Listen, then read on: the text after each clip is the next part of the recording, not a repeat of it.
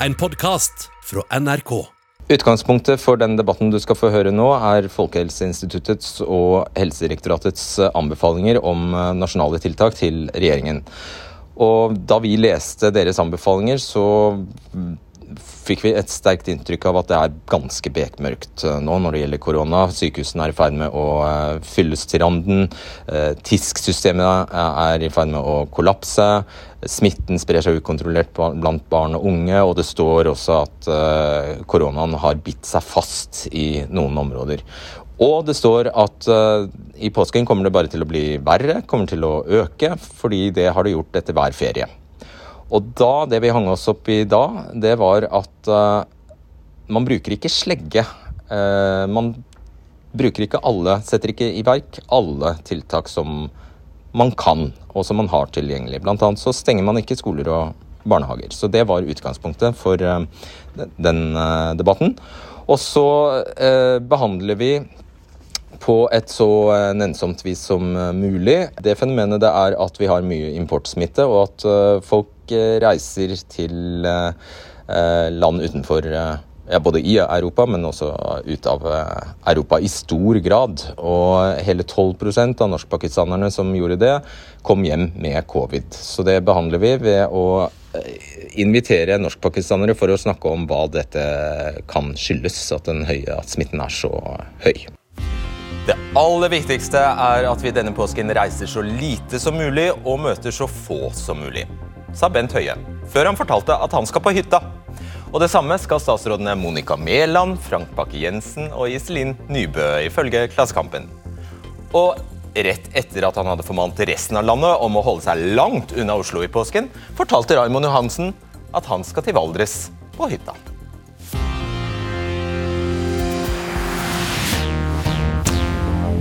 Velkommen til debatten. Ikke nok med at statsrådene har definert sin egen pendling som nødvendige reiser. Myndighetene regner med faktisk økt smitte i påsken og truer med enda strengere tiltak rett over påske. Og mens hele landet stenges fordi smitten øker, lander fly etter fly fra Islamabad, Istanbul, Warszawa, Alicante, Qatar og Addis Abeba med covid-syke mennesker. I det ene øyeblikket sier FHI at målet med dette er å få smittetallet under 1. I det neste øyeblikket sier de at vi ikke kommer til å greie det. Velkommen Espen Rostrup Nakstad, Camilla Stoltenberg. Og god kveld til Anne Kjersti Befring og Jørn Klein. Og så er jeg glad for at du har eh, tatt plass her, Ira Leti. Du er styrer ved en barnehage i eh, Oslo. og nå er det sånn at Regjeringen har eh, bestemt at barn og unge skal skjermes mest ja. mulig. Så selv om Helsedirektoratet og FHI da fastslår at barn og unge er drivere av smitten nå, og at det er flest smittede under 19 år, så vil de ikke anbefale å stenge skoler og barnehager. barnehager. Og Førskolelærere og eh, grunnskolelærere har høyere sannsynlighet for å få covid-19 enn oss andre, og dessuten har assistenter i barnehage og SFO større, de får i større grad covid enn oss andre. Så du har fortalt oss at de som bestemmer kan umulig ha skjønt hva som foregår i en barnehage med tørking av snørr og tårer og mange situasjoner eh, tett innpå barna. Hva mener du bør gjøres i barnehagene slik situasjonen er nå? Altså først vil jeg jo si at Det at myndighetene har sagt at barn og unge skal skånes best mulig under denne pandemien, det er noe jeg tror alle støtter. Det som jeg derimot føler, og, mange i mitt felt, er det at vi som jobber med barn, har blitt litt glemt. Vi har ingen annen smittevern enn antibac når vi er på jobb. Vi bruker ikke masker, vi kan ikke holde avstand, vi skal ikke holde avstand. Når et barn oppsøker meg, så skal jeg møte det barnet med den nærheten det kreves for å gi god omsorg, og for å gi barna den gode hverdagen vi alle vil at de skal ha. Eh, så det jeg etterlyser nå, eh, med de som på en måte står i mitt felt, er at hvor er smittevernet eh, til barnehageansatte, hvor er smittevernet til lærere? Og Jeg vet at dette kan være litt brannfakkel, men jeg ønsker at det blir sett på om vi kan prioriteres i vaksineringskøen. Mm. Og Det er litt, også litt vondt å si, for jeg vet at med en gang en gruppe prioriteres i vaksineringen, så er det en annen gruppe som må nedprioriteres. Sant, og vi sånn er, ser oss selv nærmest. Eh, sånn at det, det, har jeg full forståelse for, men jeg skulle ønske litt mer diskusjon om hvor er vi i denne køen. Og Dere opererer nå med kohorter på fire barn. Hvordan fungerer det? Ja, nå skal jeg si at Det er fire barn på en småbarnsavdeling som jeg har ansvar for. Eh, og det fungerer fint, forutsatt at rammevilkårene er 100 Eh, og med det mener jeg at åpningstiden er mye kortet eh, enn det den er til vanlig. I min barnehage så har vi åpent fra åtte til tre, fordi at vår, vår arbeidstid er syv og en halv time, og barna kan ikke være lenger der enn den voksen som har ansvar for kohorten, er, er på jobb. Og da er det greit. Men utfordringen kommer når en av oss blir syke og skal teste seg, skal vente på testsvar. Da er det vanskelig, for det er nesten umulig å få vikarer i Oslo. Det er nesten umulig å få vikarer som kjenner barna. Eh, denne vikaren må gå rett inn på en kohort, stelle barna, legge dem. Og det er eh, en stor utfordring i vår hverdag. Hva syns du om at Helsedirektoratet og FHI ikke anbefaler å stenge barnehagene? Jeg er enig med dere i utgangspunktet, at åpne barnehager ganger alle. Det er et samfunnsøkonomisk spørsmål.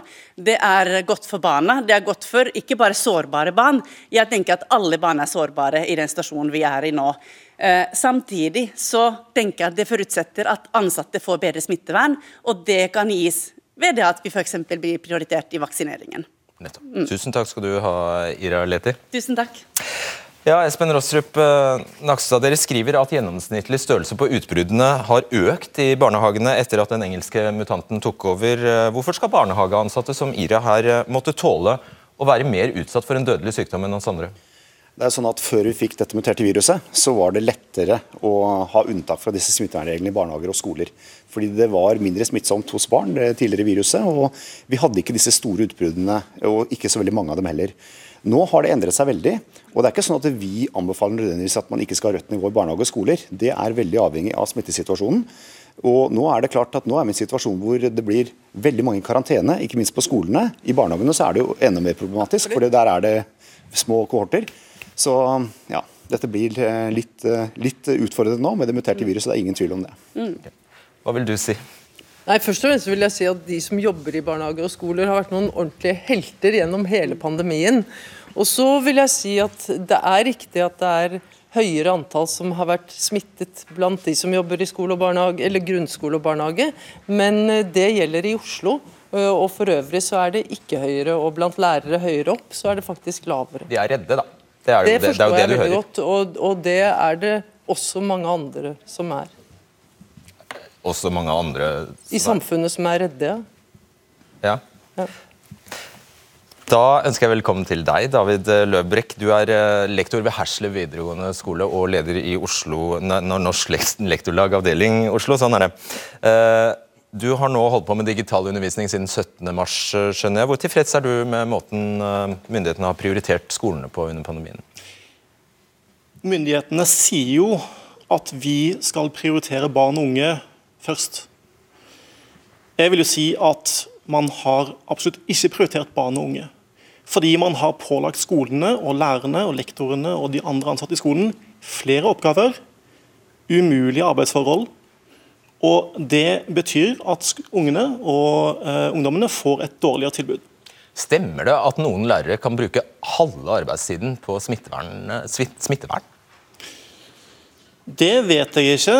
Men jeg vet om rektorer som rapporterer om at de må bruke halvparten av tiden sin per nå til å drive smittesporing. Mm.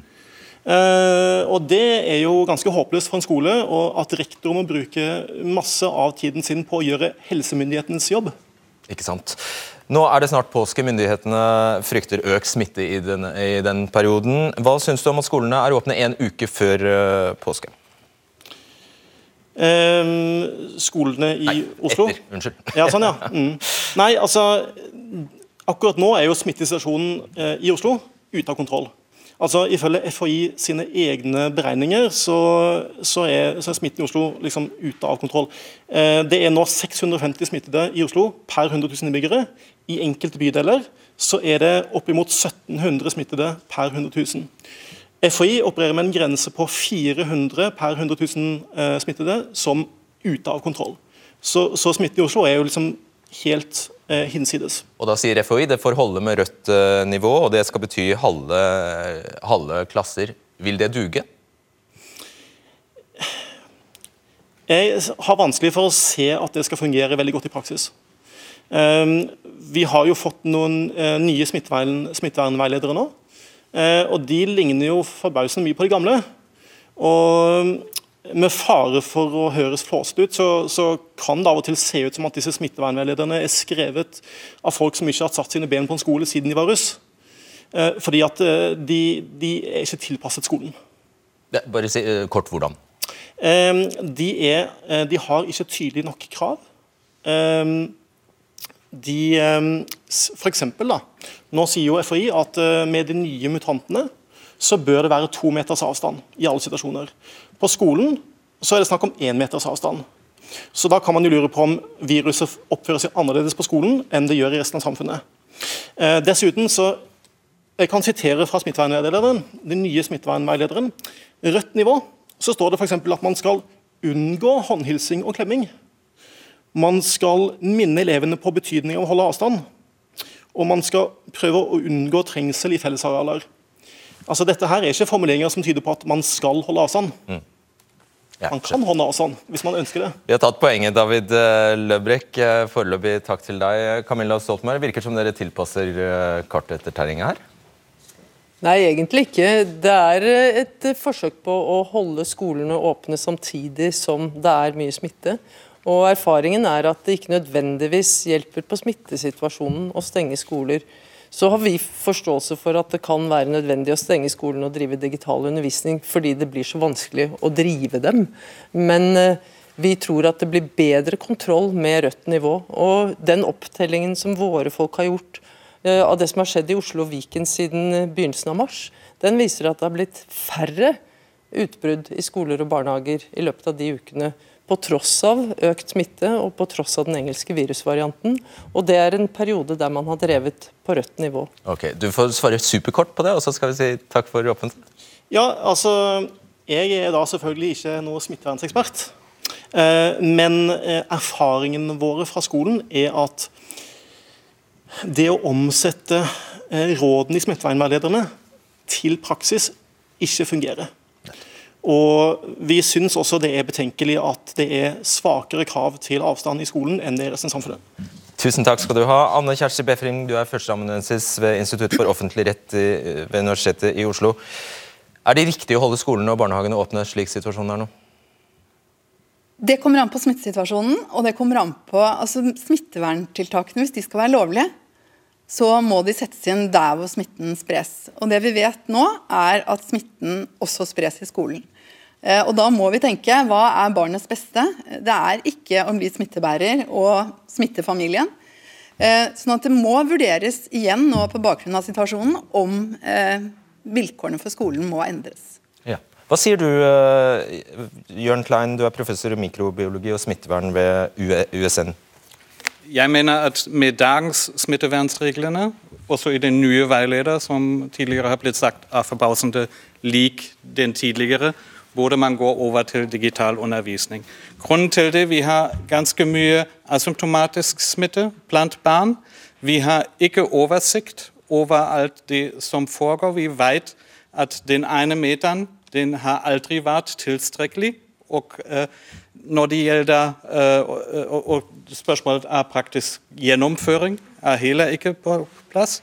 Når det gjelder uh, den smittevernveilederen, kan man tydelig forbedre den. Vi har tidligere levert både til Helsedirektoratet og Folkehelseinstituttet et alternativforslag hvor man A bruker munnbind også i klasseværelset, hvor man B tester uh, to ganger om uken, som man gjør i Sveits, som man gjør i Tyskland, uh, uten problemer. Og uh, ja. ja. Vil du svare på det først? Ja, nei, altså, jeg bare si at uh, Vi er i en vanskelig situasjon nå uh, med barn og unge og unge voksne som er, står, ligger høyt på smittestatistikken. Forstår veldig godt det som er sagt nå med bekymringen rundt dette. Og jeg tror vi må være ærlig og si det at uh, Det er ikke nødvendigvis i barns beste å ikke ha smitteverntiltak på skolene. og Det er ikke heller det som er foreslått i denne reviderte veilederen. Det er nå en innskjerping. Vi mener alle sammen at rødt nivå når man ikke har kontroll på smitten i en kommune, og forventer også smittetilfeller på en skole, vil medføre færre i karantene f.eks. Nå har vi eksempler i denne byen på skoler hvor det er tusenvis av elever over noen uker som sitter hjemme i karantene fordi smitten er ute av kontroll. Og Da er det viktig å ta tak i det. Men samtidig må dette være balansert. og Det er veldig stor forskjell på skoler og det er stor forskjell på kommuner. og Derfor er det å være målrettet og også teste mange, det er på en måte nøkkelen nå for å lykkes. Og vi må få smittenivået ned i disse aldersgruppene. Det er vi helt enig i. Defing. Ja, altså, jeg er jo helt enig med Nakstad i det at vi må målrette tiltakene. Og så tror jeg vi også må vurdere hvordan har egentlig reglene fungert. Nå Hvor er det han bommer, da? lukket ned eh, ganske lenge i Oslo. Eh, og så ser vi at smitten øker. Jeg tror veldig mye av folks tillit og motivasjon henger sammen med at man ser at det at det er nedstengt, at det virker. Når det ikke virker, må vi stille spørsmål hvorfor virker det ikke. Er det fordi folk ikke etterlever reglene? Er det fordi reglene ikke eh, håndheves? Eh, eller er det fordi det ikke virker, fordi man ikke målretter det nok? Hva er erfaringen fra andre land? Klein? Får de ned smitten uten å stenge skolene? Altså, det får de. Nå har vi sett i, i Sveits, som er relativt lik i henhold til antall, og de hadde en, en alvorlig smittepress. Og de får med munnbind i klassen. De får med testing med antigentester to ganger om uken. Får de en kontrollert og trygg Eh, skoletilværelse. Og det er, mener jeg, til barns beste. Å ha denne frykten og der, der, kommer inn at Folkehelseinstituttet du har siste uke uttalt der i Klassekampen at det er grusomt å stenge skolen. Ingen ønsker å, å, å stenge skolen. Nettopp. Camilla Stoltenberg, eh, når det gjelder barn og unge, så skriver dere at effekten av de nye tiltakene vil ikke vises før etter én til to uker. Det er derfor viktig å ta seg tid til å evaluere effekten før nye tiltak iverksettes mot barn og unge. Men når det gjelder voksne og samfunnet for øvrig, så mener dere at risikobildet er så alvorlig at man, ikke, man har ikke tid til å se an om allerede iverksatte tiltak tilstrekkelig, har tilstrekkelig effekt. Det henger jo ikke på greip. Jo, det gjør egentlig det, men jeg skjønner at det går an å lese det slik. Vi har også når det gjelder voksne sett an. Eh, og så har vi sett at det har blitt såpass mye verre at vi har derfor satt i verk tiltak. Mens det jeg nettopp fortalte om eh, for Oslo og Viken, den oppdelingen som har vært da av hvor mye effekt man har hatt av å gå over til rødt nivå på skoler og i barnehager, den indikerer at man da er i ferd med å få en utflating og kan vente og forsterke ytterligere ved hjelp av de nye tiltakene som har kommet inn i den reviderte veilederen. Det er riktig at den ikke er vesentlig annerledes, men det er noen ting som er annerledes. Blant annet så tester vi jo nå veldig mye mer i skole og barnehager enn tidligere. Og vi anbefaler munnbind i flere situasjoner enn tidligere. Hva er det vi andre ikke forstår her, da, når dere eh, egentlig dere advarer på det sterkeste og bruker omtrent de, de krasseste adjektivene dere kan eh, når dere skal beskrive smitteøkningen, spesielt blant barn og unge. Men så sier dere i neste omgang da at det er ikke så farlig. Hva er det vi går glipp av? Jeg tror vi sier det. Og så er det én ting vi glemmer her. og det er at uh, dette med tiltak i skolen det er kommunalt ansvar. Det ble faktisk løftet ut av covid-forskriften når det gjelder videregående skoler, fordi kommunene ønsket det. Eh, vi ønsket det ikke, kan jeg være ærlig å si, men det ble løftet ut. og Det gjør at det nå er det kommunene selv som må vurdere situasjonen ut fra smittepresset og det som skjer i skolene. Sånn at disse regionene nå som har tiltak, i Viken f.eks., der gjelder tiltakene alt i samfunnet med hjemmekontor og stengte kjøpesentre og mange ting, men det gjelder ikke skolene. Så det er Eh, kommunene faktisk som eh, vurderer dette. Og det beklager du at det er kommunene som Nei, jeg, mange kommuner klarer dette veldig bra. og ja, de er veldig gode på det. Du sa, du sa nettopp at vi, vi, vi mener at videregående skoler som jo har elever fra flere kommuner, eh, at det er naturlig at det også ses i en sammenheng når det er en region som må stenge ned. Men, men det viktigste er at man gjør en lokal vurdering. De, mye, altså, folk er jo kjempeleie, og det du egentlig tar til orde for, er enda strengere regler. Ja, så Det jeg tar til orde for, er at man ser reglene i sammenheng, og at man vurderer hvordan de virker. Eh, og så er jeg ikke så sikker på at uh, veldig inngripende reguleringer i en kort periode er uh, et brudd med menneskerettigheter. Når vi har mange reguleringer med nedlukninger Altså Du snakker om å stenge skolene i to uker, f.eks.? Ja, det er nettopp det. Og her ser jeg jo hva andre land gjør. Eh, hva England har gjort og hva mange andre Men det som er viktig, det er at sånn som England deler opp landet og differensierer. Men de har hatt denne stay at home-regelen ganske lenge, der hvor det er mye smitte. Og Da gjelder det også skolebarn. Det gjelder alle. Og de har fått ned smitten. Mm. I stedet for å stenge skolene, så går dere altså inn for tiltak som kan faktisk oppleves veldig ondskapsfulle, som at barn må plukke seg ut to venner de kan, ha, eh, ha, de kan være sammen med. Hvordan føles det tror du, for et barn som ikke blir valgt? Mange ting ved dette er vanskelig, men jeg tror nok at det å stenge skolene er av de mest dramatiske tingene. Da er det jo ikke snakk om å ha to venner heller. Men det som er alvorlig her, er at vi har ikke indikasjon på at det å stenge skolene gir bedre effekt enn å ha dem på rødt nivå. Vi har indikasjon på at det å ha dem på rødt nivå virker. Og så er vi opptatt av at det skal virke enda bedre enn i dag. Hvor er det alle disse barna blir smittet, da? De blir i stor grad smittet hjemme. De blir også smittet på skolen, men hvis de er hjemme, så blir de jo ikke nødvendigvis stengt inne hjemme. Da kan det hende at de er sammen med hverandre på andre måter likevel. Og i ferier har smitten gått opp blant barn og unge. Okay. Folkehelseinstituttet har ikke indikasjon for så mange ting. Altså, I resten av verden har én meter har aldri vært nok. Nå bruker vi FFP2-masken nesten overalt. I helsevesenet det uttalt at uh, man ikke skal bruke munnbind altfor ofte fordi risikoen for selvinokulasjon, altså at man smitter seg selv, er for høyt. Alt dette er annerledes i Norge. Hvorfor er, det, hvorfor er det Norge en så annerledes land? Vi har uh, publikasjoner i Nature, i Lancet, som alle viser at disse tiltakene er riktige.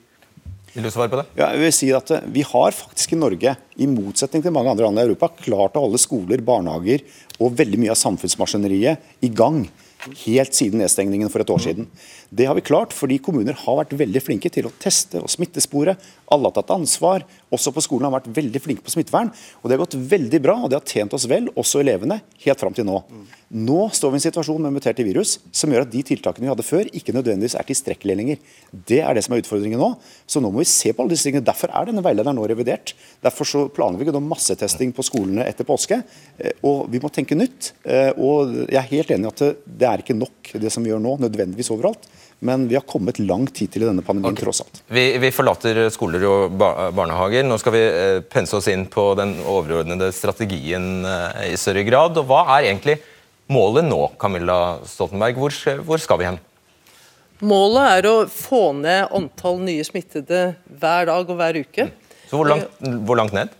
Det har vi ikke satt et helt spesifikt mål for. fordi det handler om både hvilket R-tall vi har, altså om det går nedover, om det kommer under én, og hvilket antall nye smittede vi har, og selvfølgelig hvilke virusvarianter vi har. Ja, for Det som er forvirrende, er jo at det står, dere skriver eh, målet er å redusere smittespredningen og raskest mulig presse R under 1. Men i går sa jo professor Arnold, eh, Arnoldo Frigessi i FHIs modelleringsgruppe at han tror ikke det er mulig å komme under 1,1. Så hva gjelder? Det gjelder at vi skal under én. Og så vil jeg nok kanskje si at uh, de som sa det, var egentlig NRK. Uh, fordi Arnoldo Fregessi han jobber riktignok i vår modelleringsgruppe og er en veldig viktig person der, men han jobber ved Universitetet i Oslo og ikke hos FHI. Så og, du, eh, hefter ikke, du, hefter ikke, ved ham? Er det det du sier? Nei, og han hefter ikke ved meg. fordi det jeg, det jeg er enig med ham i, er at det er mye vanskeligere nå å komme ned. Og vi må ta høyde for at vi ikke klarer det, og at vi ikke klarer å holde oss under 1. Så vi må også kunne håndtere situasjoner der vi f.eks. er på 1,1. Så uavhengig av arbeidsstedet hans, da? Du er ikke enig med ham? Helt, nei, jeg, jeg, er enig med ham. Men det, du er enig med ham? Jeg er ikke enig i at vi ikke kan komme under 1. Men jeg er enig i at vi må ta høyde for at det også vil fluktuere rundt 1, fordi det kan være veldig vanskelig å holde det under 1. Ja. Og så Espen Rosrup Nakstad, til dette med, altså Dere skriver faktisk at dere mener at smitten, dere tar høyde for at smitten kommer til å øke i påsken. Hvorfor i alle dager sitter dere og ser på at smitten øker? Vi sitter ikke og ser på at smitten øker. Det har skjedd ja, utrolig mye de siste ukene. Hvorfor ikke foreslå tiltak som hindrer at smitten øker i stedet? Jo, det har vi nå, I går så uh, offentliggjorde regjeringen på vår anbefaling blant annet, og FHI å forsterke rådene nå i påsken og etter påsken. Før det så har vi innført veldig sterke regionale tiltak. Det er jo anbefalinger fra oss sammen med statsforvalteren FHI, som regjeringen har besluttet. I Viken, i Bodø og Salten, i Vestfold og Telemark, eh, på Haugalandet, mange andre steder. Det vi ser ut fra den erfaringen, det er at de regionene som innfører tiltak på nivå 5A i covid-19-forskriften, kapittel 5A, altså en ganske kraftig nedstengning, og i tillegg går til rødt nivå på skolene, de lykkes. Det ser vi i Vestfold kommune nå. De har lykkes. De som ikke går på det høye nivået, de bruker lengre tid. De klarer en utflating, men de klarer ikke å få det ned. i hvert fall ikke de første ukene. Det er det vi har sett nå. Så Det er, det er måten vi tenker på rundt dette nå framover. Vi tar en tur til Viken, vi, eh, siden du sa det. Helsedirektoratet og FHI advarer om at systemet med testing, isolering, smittesporing og karantene TISK er i ferd med å bryte sammen noen steder. Og Smittetallene må ned for at ikke situasjonen skal komme ut av kontroll, hevder de, og da vil nedstengning faktisk være eneste alternativ. Så er det virkelig mangel på folk som kan ringe rundt, som skal styre livene våre? Vi skal til deg, Karianne J. Bergman, kommuneoverlege i Sarpsborg, og dere jobber nå døgnet rundt med TISK. Eh, hva er ståa der? Vi har hatt eh, en stor økning av smittetallene nå de siste to-tre ukene. Vi lå stabilt på rundt 40-50 i uka, og så gikk vi opp til 114 nye smittede i uke 9, 143 i uke 10, og forrige uke hadde vi 267 nye smittede, som er absolutt det høyeste tallet vi har hatt gjennom hele pandemien. Så det er en veldig krevende situasjon. Har du kontroll? Vi har oversikt, og vi ser at eh, tallene våre har stabilisert seg og også begynt med en langsom eh, nedgang, som vi håper da er starten på en, eh, en enda mer nedgang og på lavere tall videre framover. Hvem er det som jobber med smittesporing hos deg, og hvilken kompetanse har de? Hvor, hvor henter du dem fra? Ja, Vi trengte jo å få mange nye smittespor og mange nye testere veldig raskt når vi fikk denne økningen. Da var vi i ferd med å ansette nye, og de har vi fått inn veldig raskt. Der er det studenter, det er eh, folk som jobber deltid og ønsker å jobbe mer. Det er folk som ikke har jobb, er arbeidsledige og uh, tar på seg dette. Det er veldig stor vilje til å hjelpe. I tillegg så har vi veldig mange omdisponerte innad i kommunen som uh, svingte seg rundt på et øyeblikk. Mange har hjulpet til underveis i pandemien og kunne smittesporing litt fra før, og var da raske å lære opp videre. Og Det er folk fra økonomi, oppvekst, IT, hele kommunen. Kan du da forstå at eh, FHI og Helsedirektoratet advarer om at det er her flaskehalsen oppstår? Altså at det blir vanskelig å finne folk som kan ringe? Altså Beredskap er vanskelig. Det er vanskelig å vite hvor mange skal man ha uh, tilgjengelig til enhver tid.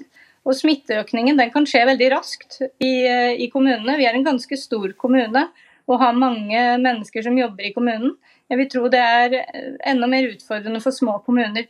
Men også vi var jo litt heldige, på en måte, for vi var i ferd med å ansette nye da denne økningen kom. Og da fikk vi de inn i, i drift veldig raskt. Så det er klart at uh, smittesporing er veldig, veldig viktig og essensielt nå i denne tiden framover også. Vi bare avrunder med et eh, spørsmål her om skoler, siden vi snakket om det i, i sted. og Det, det hevdes da altså at, uh, at, det ikke er like dramatisk som man kanskje kan få eh, inntrykk av av og til. Hvordan har dette vært i Sarpsborg?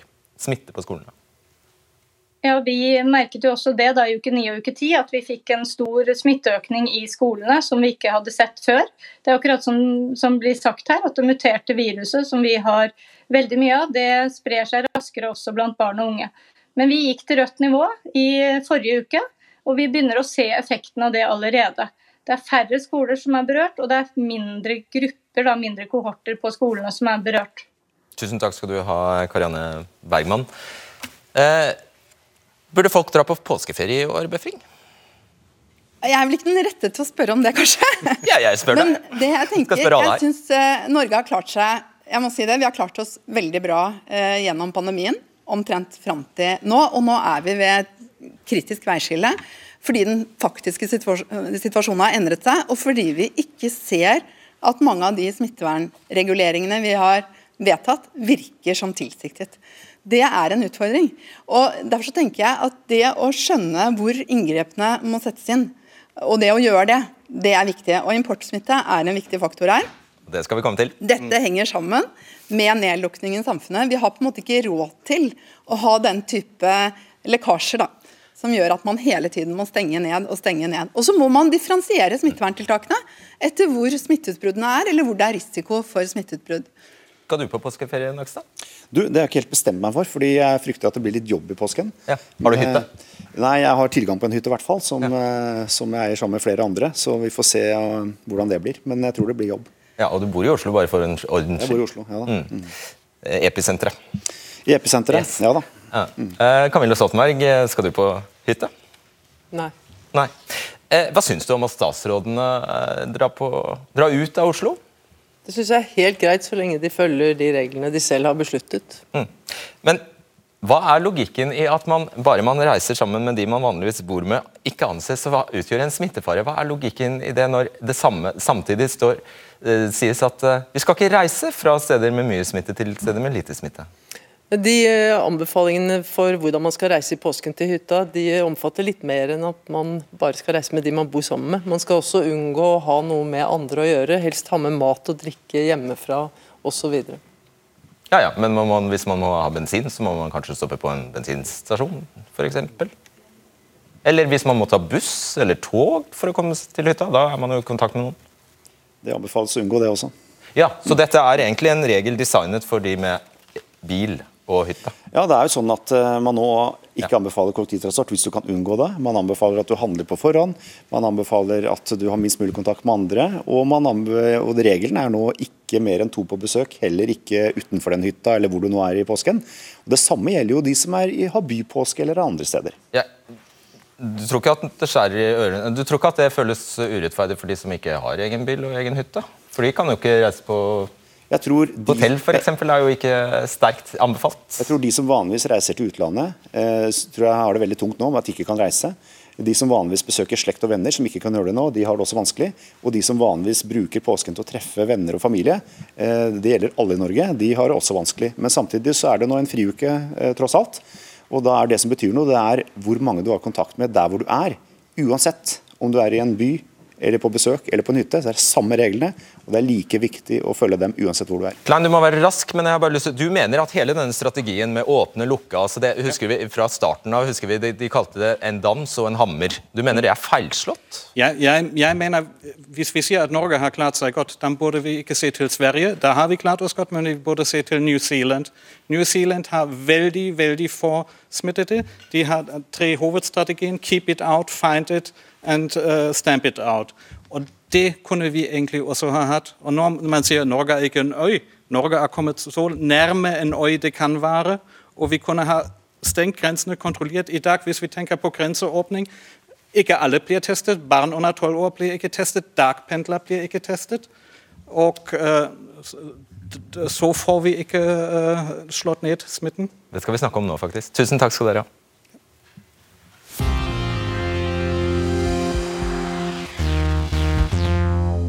I løpet av tolv dager i slutten av februar og begynnelsen av mars ankom nesten 30 000 personer fra utlandet til Norge. Førstkommende lørdag går det fly til Malaga, to fly til Malaga, to til Alicante og ett til Las Palmas.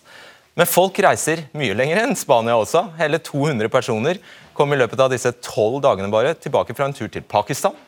Og hele 12% av dem hadde covid-19.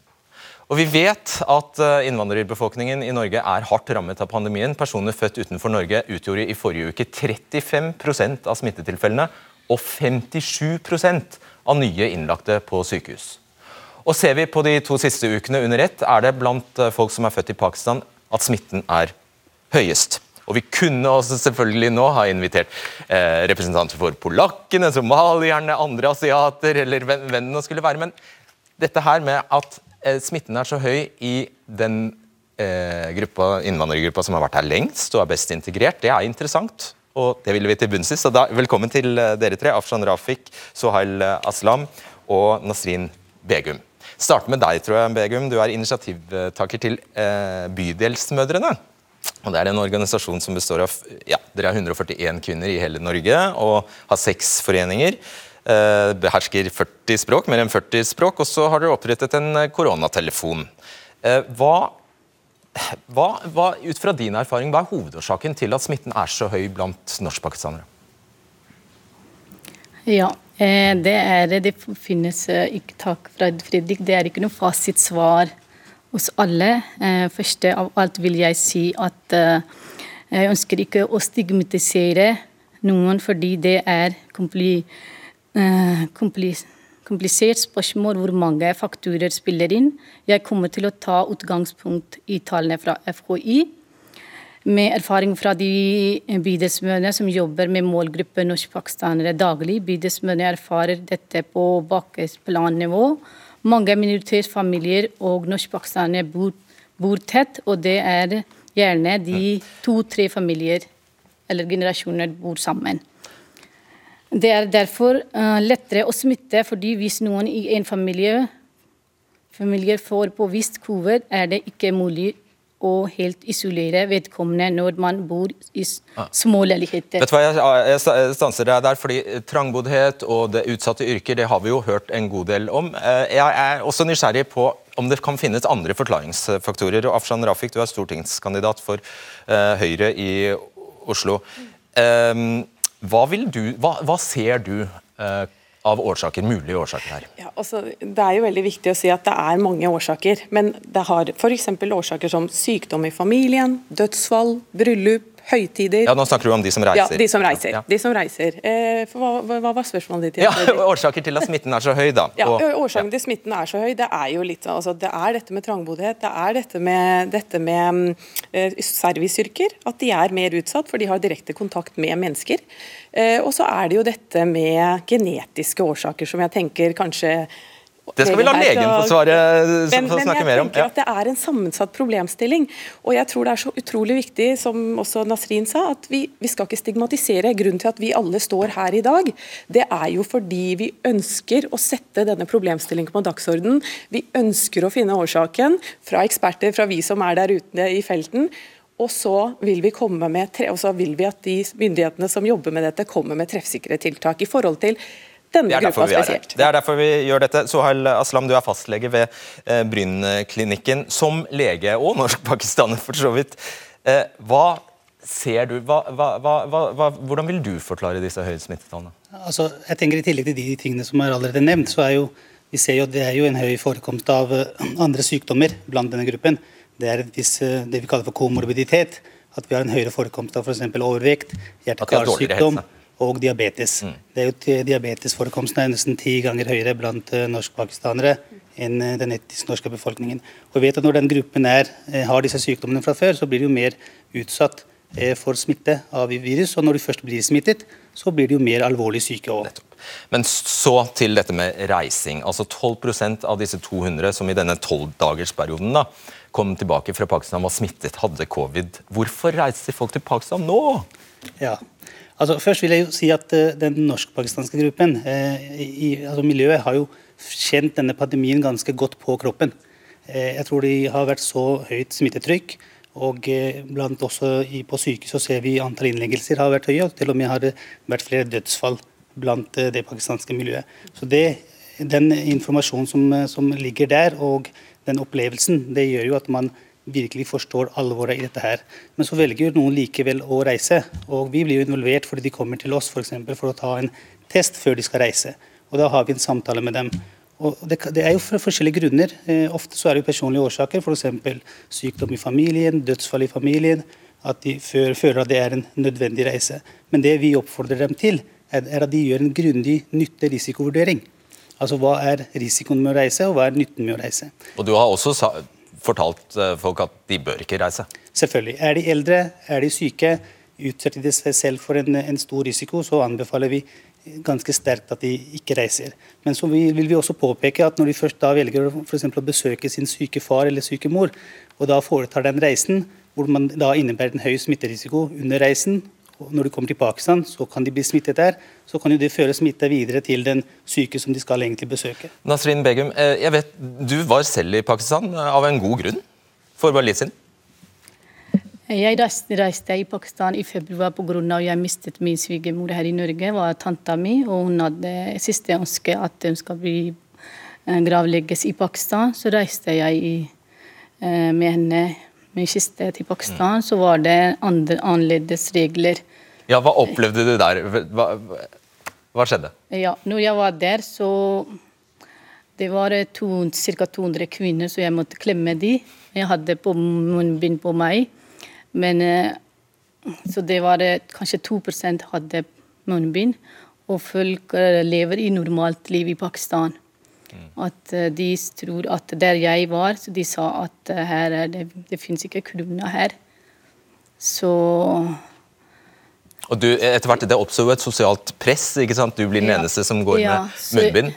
Ja, så jeg også Jeg fulgte smittevernregler, regler, men jeg tenkte samtidig at eh, det kan være noen andre tenker at det er det vi som bærer smitter. Du er mer redd enn oss at du blir smitta.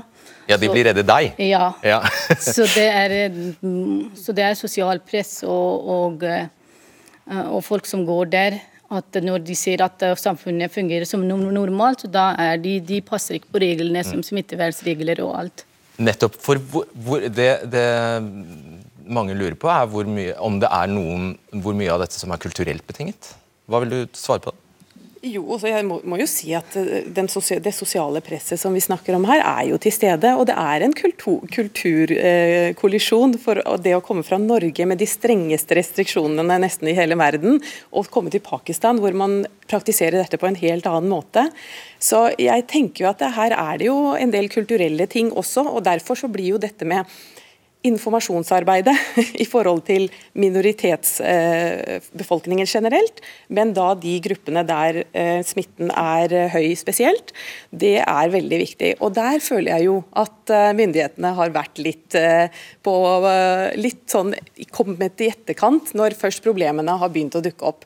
Og jeg tok jo til orde for at jeg, jeg savner en nasjonal og egentlig lokal øh, strategi for informasjon. Eh, sånn at vi treffer bedre i forhold til minoritetsgrupper. Og Der har vi en jobb å gjøre fortsatt. Det er helt greit at de vet om smittevernreglene, men de reglene som gjelder, altså som stadig er i endring fra måned til måned, uke til uke, dag til dag, når det er høy smitte, den, den eh, klarer ikke alle å følge med på. Og der har vi alle en jobb å gjøre. Svare kort på det. Ja, vi har en nasjonal strategi og vi har for så vidt en lokal strategi. og Oslo kommune har vært veldig aktive. og Det har også Helsedirektoratet og Folkehelseinstituttet. Og veldig mye positivt har skjedd. Eh, Blant annet da i den gruppen som har opprinnelse i Pakistan, så er det jo veldig mange som tester seg. Det er en eh, kjempefin ting. Vi har også hatt, eh, Det har vært vellykket å, å samarbeide med det somaliske miljøet og få ned smitte, men vi har ikke lykkes godt nok. Så det er noe vi ikke får til. Eh, Og det må vi også ha hjelp til å få til, ikke minst av dere. Hvorfor forbyr dere ikke utenlandsreiser når, når statistikken ser sånn ut? Du, det er jo politikerne som bestemmer, men eh, vi anbefaler ikke å forby det rett og slett fordi at noen har nødvendige reiser. Det var et eksempel vi nettopp fikk på det som faller inn under den kategorien. Noen jobbreiser er faktisk nødvendige. Hvis du hermetisk lukker et land 100 så- så blir det vanskelig. Men dette er egentlig et eksempel på at vi lever i et samfunn hvor folk er vant til å reise. Eh, Og det er mange som reiser i Norge. I en normalsituasjon så har jeg blitt fortalt at det er 40 000-50 000 mennesker som passerer grensen hver dag. eh, På det meste, sånn i hvert fall i sommerhalvåret. Og, eh, og sånn at Dette gjelder jo mange. Og så skal vi ikke lenger enn til Sverige før kulturen når det gjelder korona er en annen enn i Norge også. Så vi skal ikke glemme det, at man blir veldig farget av den kulturen man eh, får impulser fra når det gjelder hvor alvorlig dette er f.eks. Så alle disse tingene spiller inn. Og da lurer jeg på, Har den statistikken som vi nevnte nå, har den sunket inn hos norskpakistanerne? Ja, det tror jeg. Eh, og Derfor, det er derfor jeg nevnte i stad at, at eh, måten de har følt denne pandemien på kroppen, det gjør jo at de, de tar disse tallene for alvor og eh, tar det veldig godt inn, inn til seg. Men på, Vi må også tenke litt på det med smittenivå i Pakistan og hvordan det tolkes. Vi skal ikke være så naive og tenke at det, er lavt smittenivå der. Eh, Pakistan gjorde ganske strenge strakstiltak i starten av pandemien og stengte landet. Men så ble det en rolig fase, og de åpnet igjen. Nå er det inne i en tredje bølge, litt på etterskudd enn en Norge, men, men det er økende smitte der.